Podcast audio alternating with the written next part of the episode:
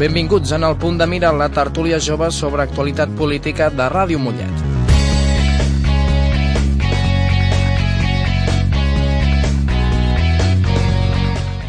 Benvinguts una setmana més a En el punt de mira. Avui torno jo, m'he recuperat aquest cop d'estat que vaig patir la setmana passada pa- dels meus col·laboradors.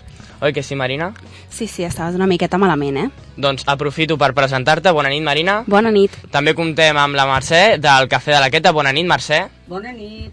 També amb la Paula. Bona nit, Paula. Bona nit. I comencem fent una miqueta una repassada de les notícies que tenim a l'àmbit local, abans anunciant una campanya de Nadal que la Marina ens explicarà millor. Bueno, es tracta de la campanya de Cap Nen sense joguina. És molt important que tots hi participem i volem fer molt de renom en això. És una cosa molt important. Considerem que al Nadal tot, el, tot nen mereix la seva joguina, per tant, eh, hem de remarcar la participació de tot aquell que pugui. Importantíssim. En l'àmbit de notícies locals entrem ja una miqueta en matèria. Mollet del Vallès ha sigut anomenada la capital europea del Bluegrass. A veure, Paula, Marina, qui s'ofereix per explicar-m'ho? Mm, vosaltres mateixos.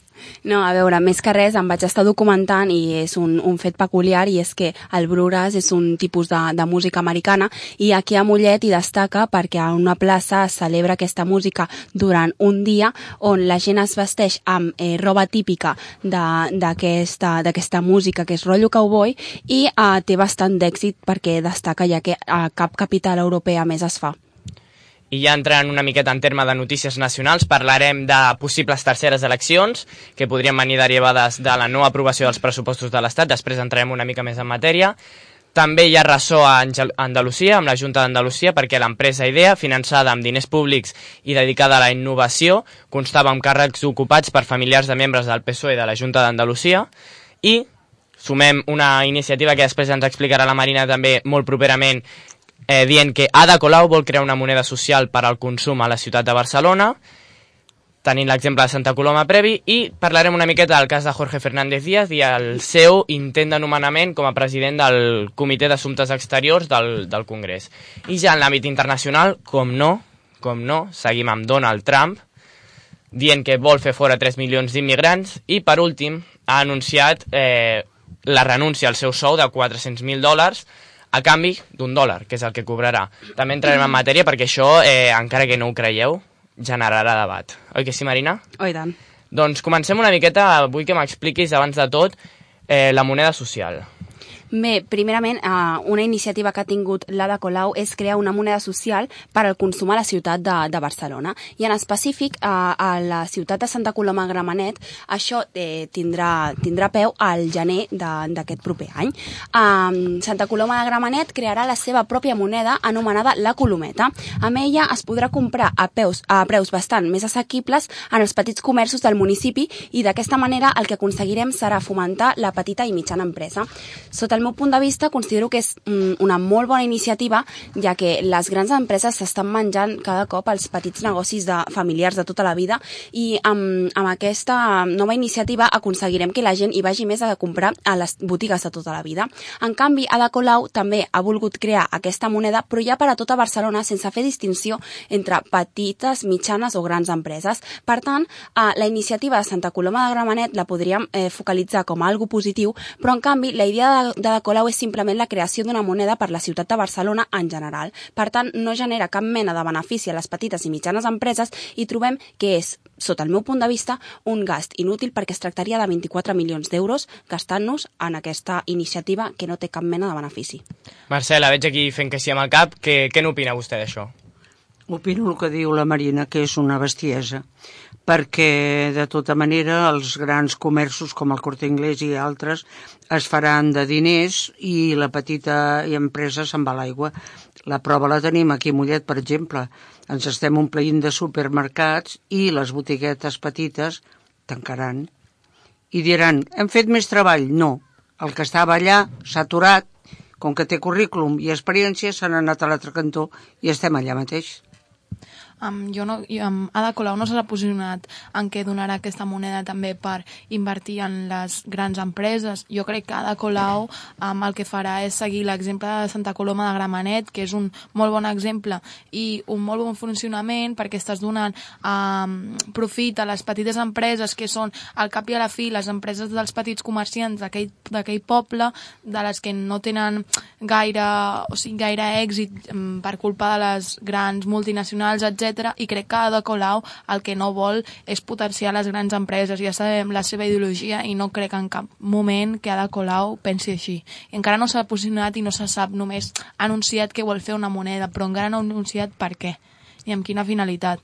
Evidentment, quan tu vols crear una cosa que genera tant de gast, uh, tu el que has de tenir molt clar és l'objectiu. Per tant, si Ada Colau ni tan sols té l'objectiu, dubto molt que mm, sigui després com la idea de Santa Coloma sí de Gramenet. Sí que té l'objectiu, però encara o sigui, encara ho ha de, no és una cosa de, de Colau, és una cosa del tot el, de tot el partit, ella potser ho ha anunciat o ho ha anunciat una altra persona i encara ho han d'acabar de, de parlar i tractar el tema, però jo no crec en cap moment que de Colau, amb la ideologia que té, vulgui potenciar les grans empreses, en cap moment, eh? No, no potenciar-les. No crec que la No, seva no. idea de fer la moneda tingui res a veure amb el comerç. Considero que la seva idea de fer la moneda és una altra de les iniciatives per tal d'aconseguir i portar endavant el procés independentista. Una manera de dir, ara ja tenim una cosa més que és moneda pròpia, un pas menys per avançar.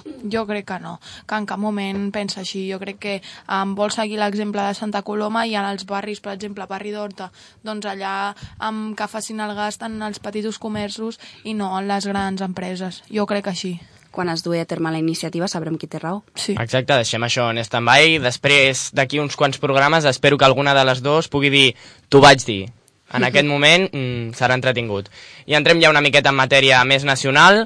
Parlarem d'aquestes possibles terceres eleccions perquè la, després de la possible no aprovació dels pressupostos, eh, Mariano Rajoy ha anunciat que convocaria unes terceres eleccions, que de fet ja no serien terceres, però bé, les, les anomenem com terceres, i això eh, ha causat molt de rebombori perquè hi ha gent que es contra aquestes terceres eleccions i una de les paraules clau les té el PSOE, que és qui va atorgar el govern a Mariano Rajoy i qui, és, qui ara podria retirar-li el suport en cas de que aquests pressupostos no li agradessin. No li retirarà el suport. Ah, No, no es pot... O sigui, um, el Partit Socialista no pot anar a terceres eleccions, perquè anar a terceres eleccions què implicarà? Um, baixar molt, molt en els vots, sorpasso, total. Exacte, després, partint d'una de dades del, del CIS, del Centro de Investigaciones Sociológicas, eh, s'apunta que Podemos, com dius tu, passaria per sobre del PSOE, però tampoc eh, amb una gran diferència, és a dir, el creixement de Podemos no seria tan significatiu com realment seria la baixada del PSOE. Això eh, es denota una mica en què molts votants del PSOE no fugirien No. per l'esquerra cap a l'esquerra, sinó que potser ho farien cap a la dreta o decidirien no votar. Però, i després no només això, sinó el Partit Socialista ja s'ha baixat els pantalons, doncs que es baixi el que li queda. O sigui, és així. Um, farà això, és l'única cosa que li queda i, i aprovarà els pressupostos i el que li portin. Vull dir, és l'última cosa que li queda. Segurament serà així, però tindrem ja de moment tenim el PNV que ha donat per suposat que dirà que no als pressupostos de l'Estat. Podemos, evidentment, farà el mateix, però clar que si el Partit Socialista ja s'ha baixat suficientment els pantalons, sap que si arriba a terceres eleccions és l'inici de la mort del partit, per tant, és bastant improbable que arribem a, a unes terceres eleccions. O sigui, el Partit Socialista preferirà mm, que el PP continuï en el govern i tenir la, el poder d'oposició que no mm, ni poder com a segona opció. Ja seria una tercera opció. El que jo sí que considero és que tindríem unes terceres eleccions amb una reacció popular fatal. O sigui, la gent, la gran majoria, no aniria a votar, això hem d'estar completament segurs, i el que comportaria una cosa bastant pitjor, que seria una majoria absoluta del Partit Popular. Home, això tampoc és del tot segur. No, jo no, Bastant jo no, probable. No, jo no crec que majoria absoluta del Partit Popular, no, perquè hi haurà molta gent que no hi vagi a votar. És cert que els de les dretes voten més, mm. però mm, jo no crec que en una majoria um, absoluta del Partit Popular sí que, o sigui, um, tindríem molts més vots, però també és que, saps a qui passarien de tenir, o sigui, el Partit Popular llavors en unes terceres eleccions necessitarien el reforç de Podemos, no el del PSOE. I Exacte. en Podemos no Ni de broma. dialoguen ni de broma. Però realment estem I si, veient evident I que... si anem a terceres eleccions, amb Partit Popular també sortiria perjudicat, perquè Podemos en la vida. Exacte, estem veient que l'oposició real en aquesta legislatura, i si hi hagués unes terceres eleccions també ho seria, és Podemos. Clar. Perquè PSOE li està donant el suport tant per aconseguir el govern com per possiblement aprovar aquests pressupostos. No parlem de Ciutadans perquè oposició, poca. En Podemos, evidentment, que seria una oposició, però estem deixant de tenir en compte una força que ha donat suport al Partit Popular, que és Ciutadans, que en el 6 ha donat un, un resultats bastant semblants als de les terceres, als de les segones eleccions. Patint Per una tant, petita davallada. una petita davallada. No es Però- pot considerar gaire, ga- gaire gran. És que la Per tant, quantitat de votants que té Ciutadans no és tampoc tan representativa. Però um, no hi hauria cap mena de problema en un partit, en, en un govern del Partit Popular com el que tenim ara mateix, perquè el Partit Popular guanyaria una miqueta més de vots i el partit i, el, i a Ciutadans tindria més o menys els mateixos, per tant li seguiria donant suport No. i ens trobaríem amb la mateixa situació però simplement amb una diferent oposició. Ja està. No, jo no estic- jo crec jo no que estic necessitarien el reforç total de Podemos. O sigui, No, sense no el el... tindran mai, és clar, impossible. clar, que Exacte, el tindran, però és que només és, que que està- és una oposició verdadera, la de Podemos, no com la del Partit Socialista, el de, el de Podemos és oposició i li agradi a qui li agradi. Facin cinquenes eleccions, sisenes, el que calgui. És una oposició, una oposició verdadera. I el que estàs dient tu no té realment, per mi, fonament, perquè el votant que aconsegueix el PP prové de la baixada de Ciutadans, perquè no crec que votants del PSOE que ara s'estan desmobilitzant No, no. vagin a votar el PP. No, no, no. La sortida cap a la dreta és Ciutadans, i això està Exacte. molt clar. Sí, sí, sí, però si el PP guanya una miqueta més és per l'abstenció. Per tota la gent que està sí. tan farta d'anar a votar, tan farta de veure que hi ha un immobilisme impressionant al partit que ja, ai, en, el, en el govern que ja ni van a votar i això, vulguem o no, li dona força a, a, qui, a qui guanya. Però, Però és que és aquesta- aquesta gent la qui provoca l'immobilisme. Clar, aquesta El actuació vot, és l'abstenció totalment i el errònia. vot nul favoreix Sí. el partit guanyador. Clar. Afavoreix el partit guanyador. Val. Aquesta actuació és de nen petit, total. O sigui, no anar a votar perquè hi ha immobilisme és errònia, aquesta actuació. Exacte, Total, l'actitud de m'enfado i no respiro no serveix. T'estàs queixant d'una cosa que tu et quedes al sofà de casa teva. No, vas i votes. 3, 4, 5 cops, que per això és una democràcia. I si no, te'n vas a una dictadura. Aquí ens estem equivocant. Saps el que és una democràcia? Una democràcia és que el poble pugui dir la seva opinió i que el poble, la gran majoria del poble, aconsegueixi la seva representació al govern. El poble ha anat a eleccions un cop, ha sortit el Partit Popular. El poble ha anat a eleccions un segon cop, ha tornat a, a sortir el Partit què? Popular amb més vots. Però que no el es poble t'està dient tota l'estona, vull el Partit Popular, t'agradi o no t'agradi. Llavors, l'actitud de nen petits és de tots aquells partits polítics minoritaris que no accepten una derrota. Això és demagògia, i és, Marina. No, no és Total. demagògia. És que la gent no accepta que ha perdut, no accepta No, que el guanyador és el. Partit Popular, encara que no agradi. Com ha guanyat? Com ha guanyat? Perquè la gent ha anat a votar. Exacte, perquè la però gent... Marina, Favoríssim. Marina, jo t'ho vendré de la forma que tu, que tu dic sempre. Sempre que parlem fora d'aquí, t'ho dic de la mateixa forma. I ho continuo dient i ho dic davant dels que m'estiguin escoltant. El, P el PP, per mi, té dos tipus de votants. El votant racional, que és que després d'estar informat doncs decideix que el PP és la seva millor alternativa. No, o, no el té. O, sí, Paula, hi ha de tot. O el votant irracional, que és aquell que, eh, després de generar-se una opinió poc fonamentada i basant-se en uns criteris que no tenen gaire sentit, decideix que el PP és la millor alternativa. Per tant, jo no respecto el votant, voti a qui voti, eh? No ens, eh, no ens equivoquem, voti a qui voti, no respecto al votant que no fonamenta la seva opinió i que va a votar sense saber a què vota. Jo crec que el és un Partit problema de la Popular- ciutadania. No, és un problema del país, o sigui, si tu, amb, si tu País és la ciutadania. no.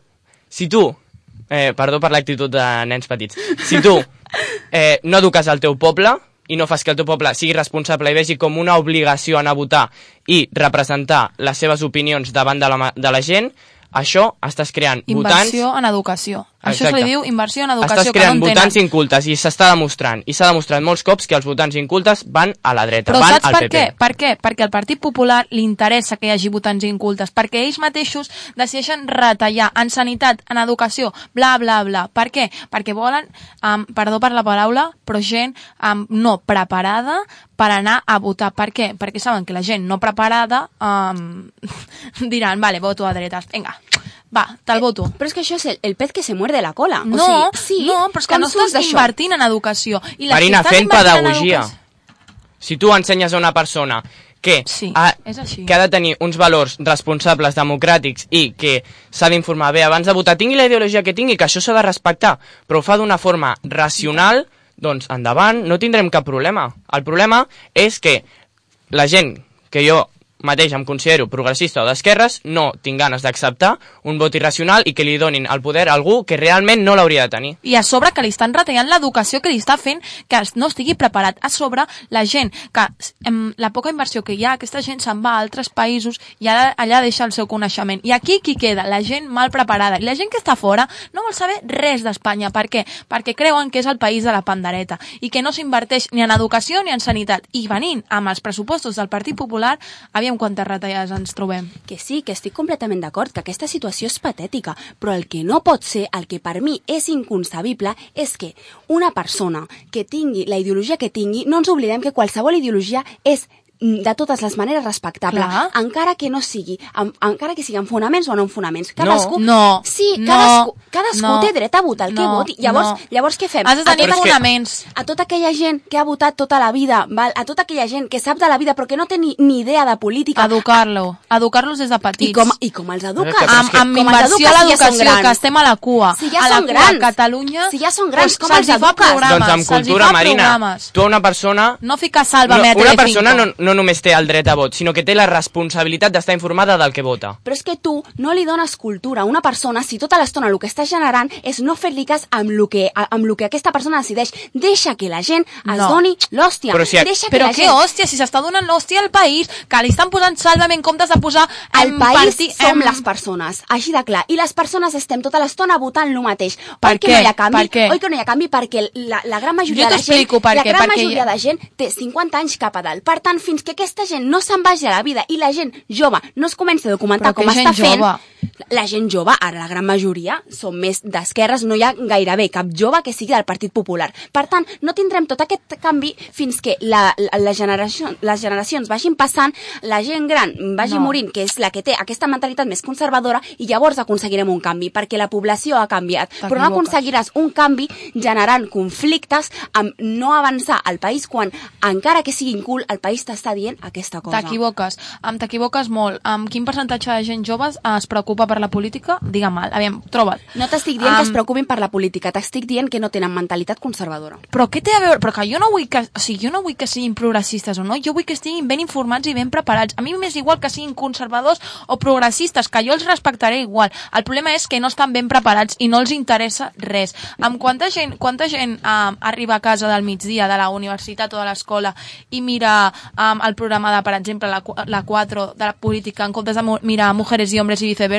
Quanta? Quanta gent jove fa això? Ningú. Val, doncs ja està, doncs és d'això, o sigui, no et queixis amb d'una població envellida quan els joves no ho fan. La població envellida és la que va lluitar. Els joves estan lluitant pels seus drets mm, fent, una, ai, fent una manifestació cada dos per tres. Bueno, sí, i?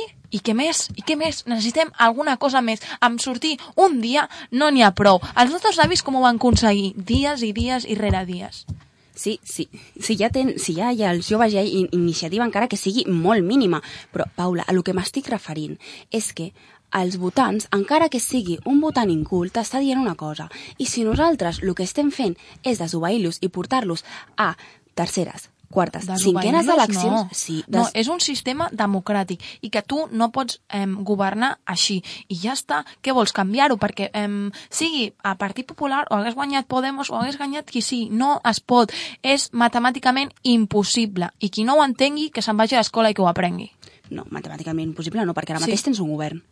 I com el tens? Aviam Com qui li el tens? accepta tot. Com, pues, Paula, no, ni- no, no, no tothom li acceptarà tot, però és que aquí ja està el joc del govern i les diferents ideologies. I això no és que existeixi ara, això és que ha existit tota la El vida. Partit Popular, quan ha dialogat amb algú? Home, el Quan? Partit Popular li va donar al govern a la segona investidura de José Luis Rodríguez Zapatero perquè et recordo que a la segona investidura el Partit Socialista va governar en minoria absoluta. Ai, sí, en, en minoria. Llavors, no tenim... Un, no, Però això no és dialogar, eh? no, això, bueno, és, és perquè el els que ha fet el Partit interessava, els Socialista. interessava quedar-se a l'oposició. És lo perquè que- els votants del Partit Popular no es queixen. Perquè és que no es queixen, la dreta no es queixa, no surt a I què té, manifestacions. què a veure que es queixi o no es queixi? El que em Doncs que ens refereixo és igual. és que hi ha hagut un rebombori impressionant aquest cop perquè el Partit Socialista ha decidit, ha decidit l'abstenció per donar-li al, al govern al Partit Popular en minoria i això va passar fa eh, tres legislatures, amb la segona legislatura de, de José Luis Rodríguez Zapatero, on el Partit Popular va decidir l'abstenció per tal d'aconseguir un govern en minoria de, del Partit Socialista. Perquè en aquell moment no hi va haver el rebombori que hi havia ara.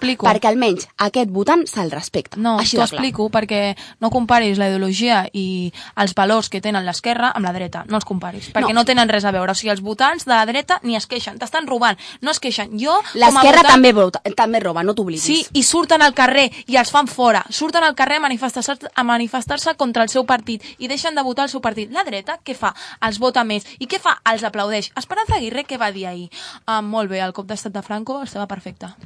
No Mira, generalitzis la, la dreta, perquè això és el Partit Popular, no és el És mateix. el que estan votant. Eh? Vale, és el el Partit que... Popular. Tu votes un partit que diu el que tu creus. Però és, és que és el, és el que el poble t'està dient. Encara que vulguis o no vulguis, què fas? Eh? Si és el que el poble t'està dient. Això se li diu Però que no, democràcia. no comparis els valors que tenen l'esquerra amb la dreta, no els comparis. Són valors diferents i per mi són igual de lícits, perquè és simplement mera, eh, me, Sí, mero perquè pensament. la dreta és una màquina que els segueixen com un exèrcit i ningú diu res perquè no els interessa, perquè van bajo mano. Així tal qual t'ho dic. Val, tallem ara ja la disputa i jo em quedaria amb aquesta reflexió, que serà la que faré jo i no permetré respostes, sinó que canviarem un altre tema, canviarem, canviarem un altre tema, i és que el tema de les ideologies ens l'hem d'oblidar, perquè una ideologia és tan vàlida com l'altra, i això no ho podem rebatre de cap forma. Però, Marina, el que sí que hem d'entendre és que, i crec que també ho compartiràs, és que és millor un votant informant, informat que un votant desinformat. Evidentment. Estàs d'acord? Evident. Doncs això és el que la Paula i jo amb els nostres arguments estàvem intentant dir. I Sí, ho he entès, Això- home, ho he entès. Val, val, no, no, jo veig que estàs atenta. doncs, a partir d'això, creiem que eh, els partits, com per exemple Podemos, PSOE en els seus dies i d'altres partits, intenten impulsar aquesta educació, intenten impulsar aquests valors culturals per tal d'arribar a una societat responsable que tingui en compte el que la beneficia i el que la perjudica. No volem res més. Que maco. Quan, el, quan Podemos aconsegueixi el govern, ho tindràs. Mentrestant, no ho tindràs. Quan Val. sortim de la crisi, l'aconseguirà. Mercè? Jo crec que menys Sálvame, menys Gran Hermano, menys futbol i més cultura. Això faria obrir finestres i la gent iria a votar PP o el que fos, però amb una convicció. Això. Completament d'acord. Doncs llavors, ara em podeu explicar què ha vingut llavors la discussió? Si estem d'acord en tot? Si a un partit no li interessa que hi hagi això, Sí, i a un sí. altre sí. Eh, parlarem una miqueta abans de el cas de Jorge Fernández Díaz. Eh, L'explico, co- eh, contextualitzo. Eh, calia nomenar un candidat per a la presidència de la Comissió d'Assumptes Exteriors i Jorge Fernández Díaz, antic ministre de l'Interior, si no m'equivoco. Eh... Eh, L'exterior. no, de l'exterior no. Ah, perdó.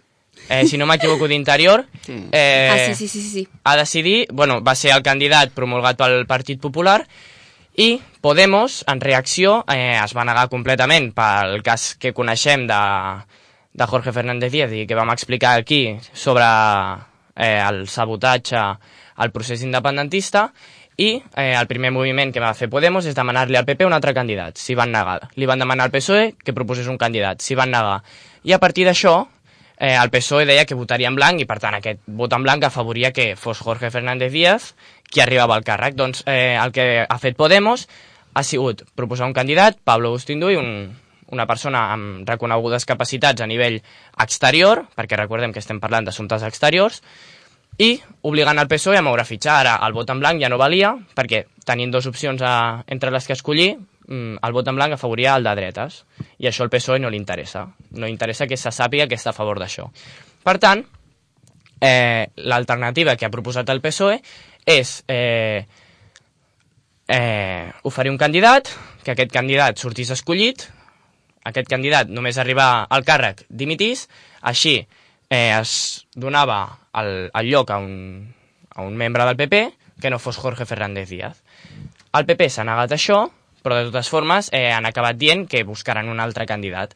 Llavors, què n'opineu d'aquestes mm, conegudíssimes portes giratòries i que una persona amb per així dir-ho, una fama que li precedeix, que té un historial mm, d'actes, per així dir-ho, mm, no, no il·legals, però sinó poc ètics, eh, davant del Ministeri de l'Interior, acabi mm, sent candidat a una posició com aquesta.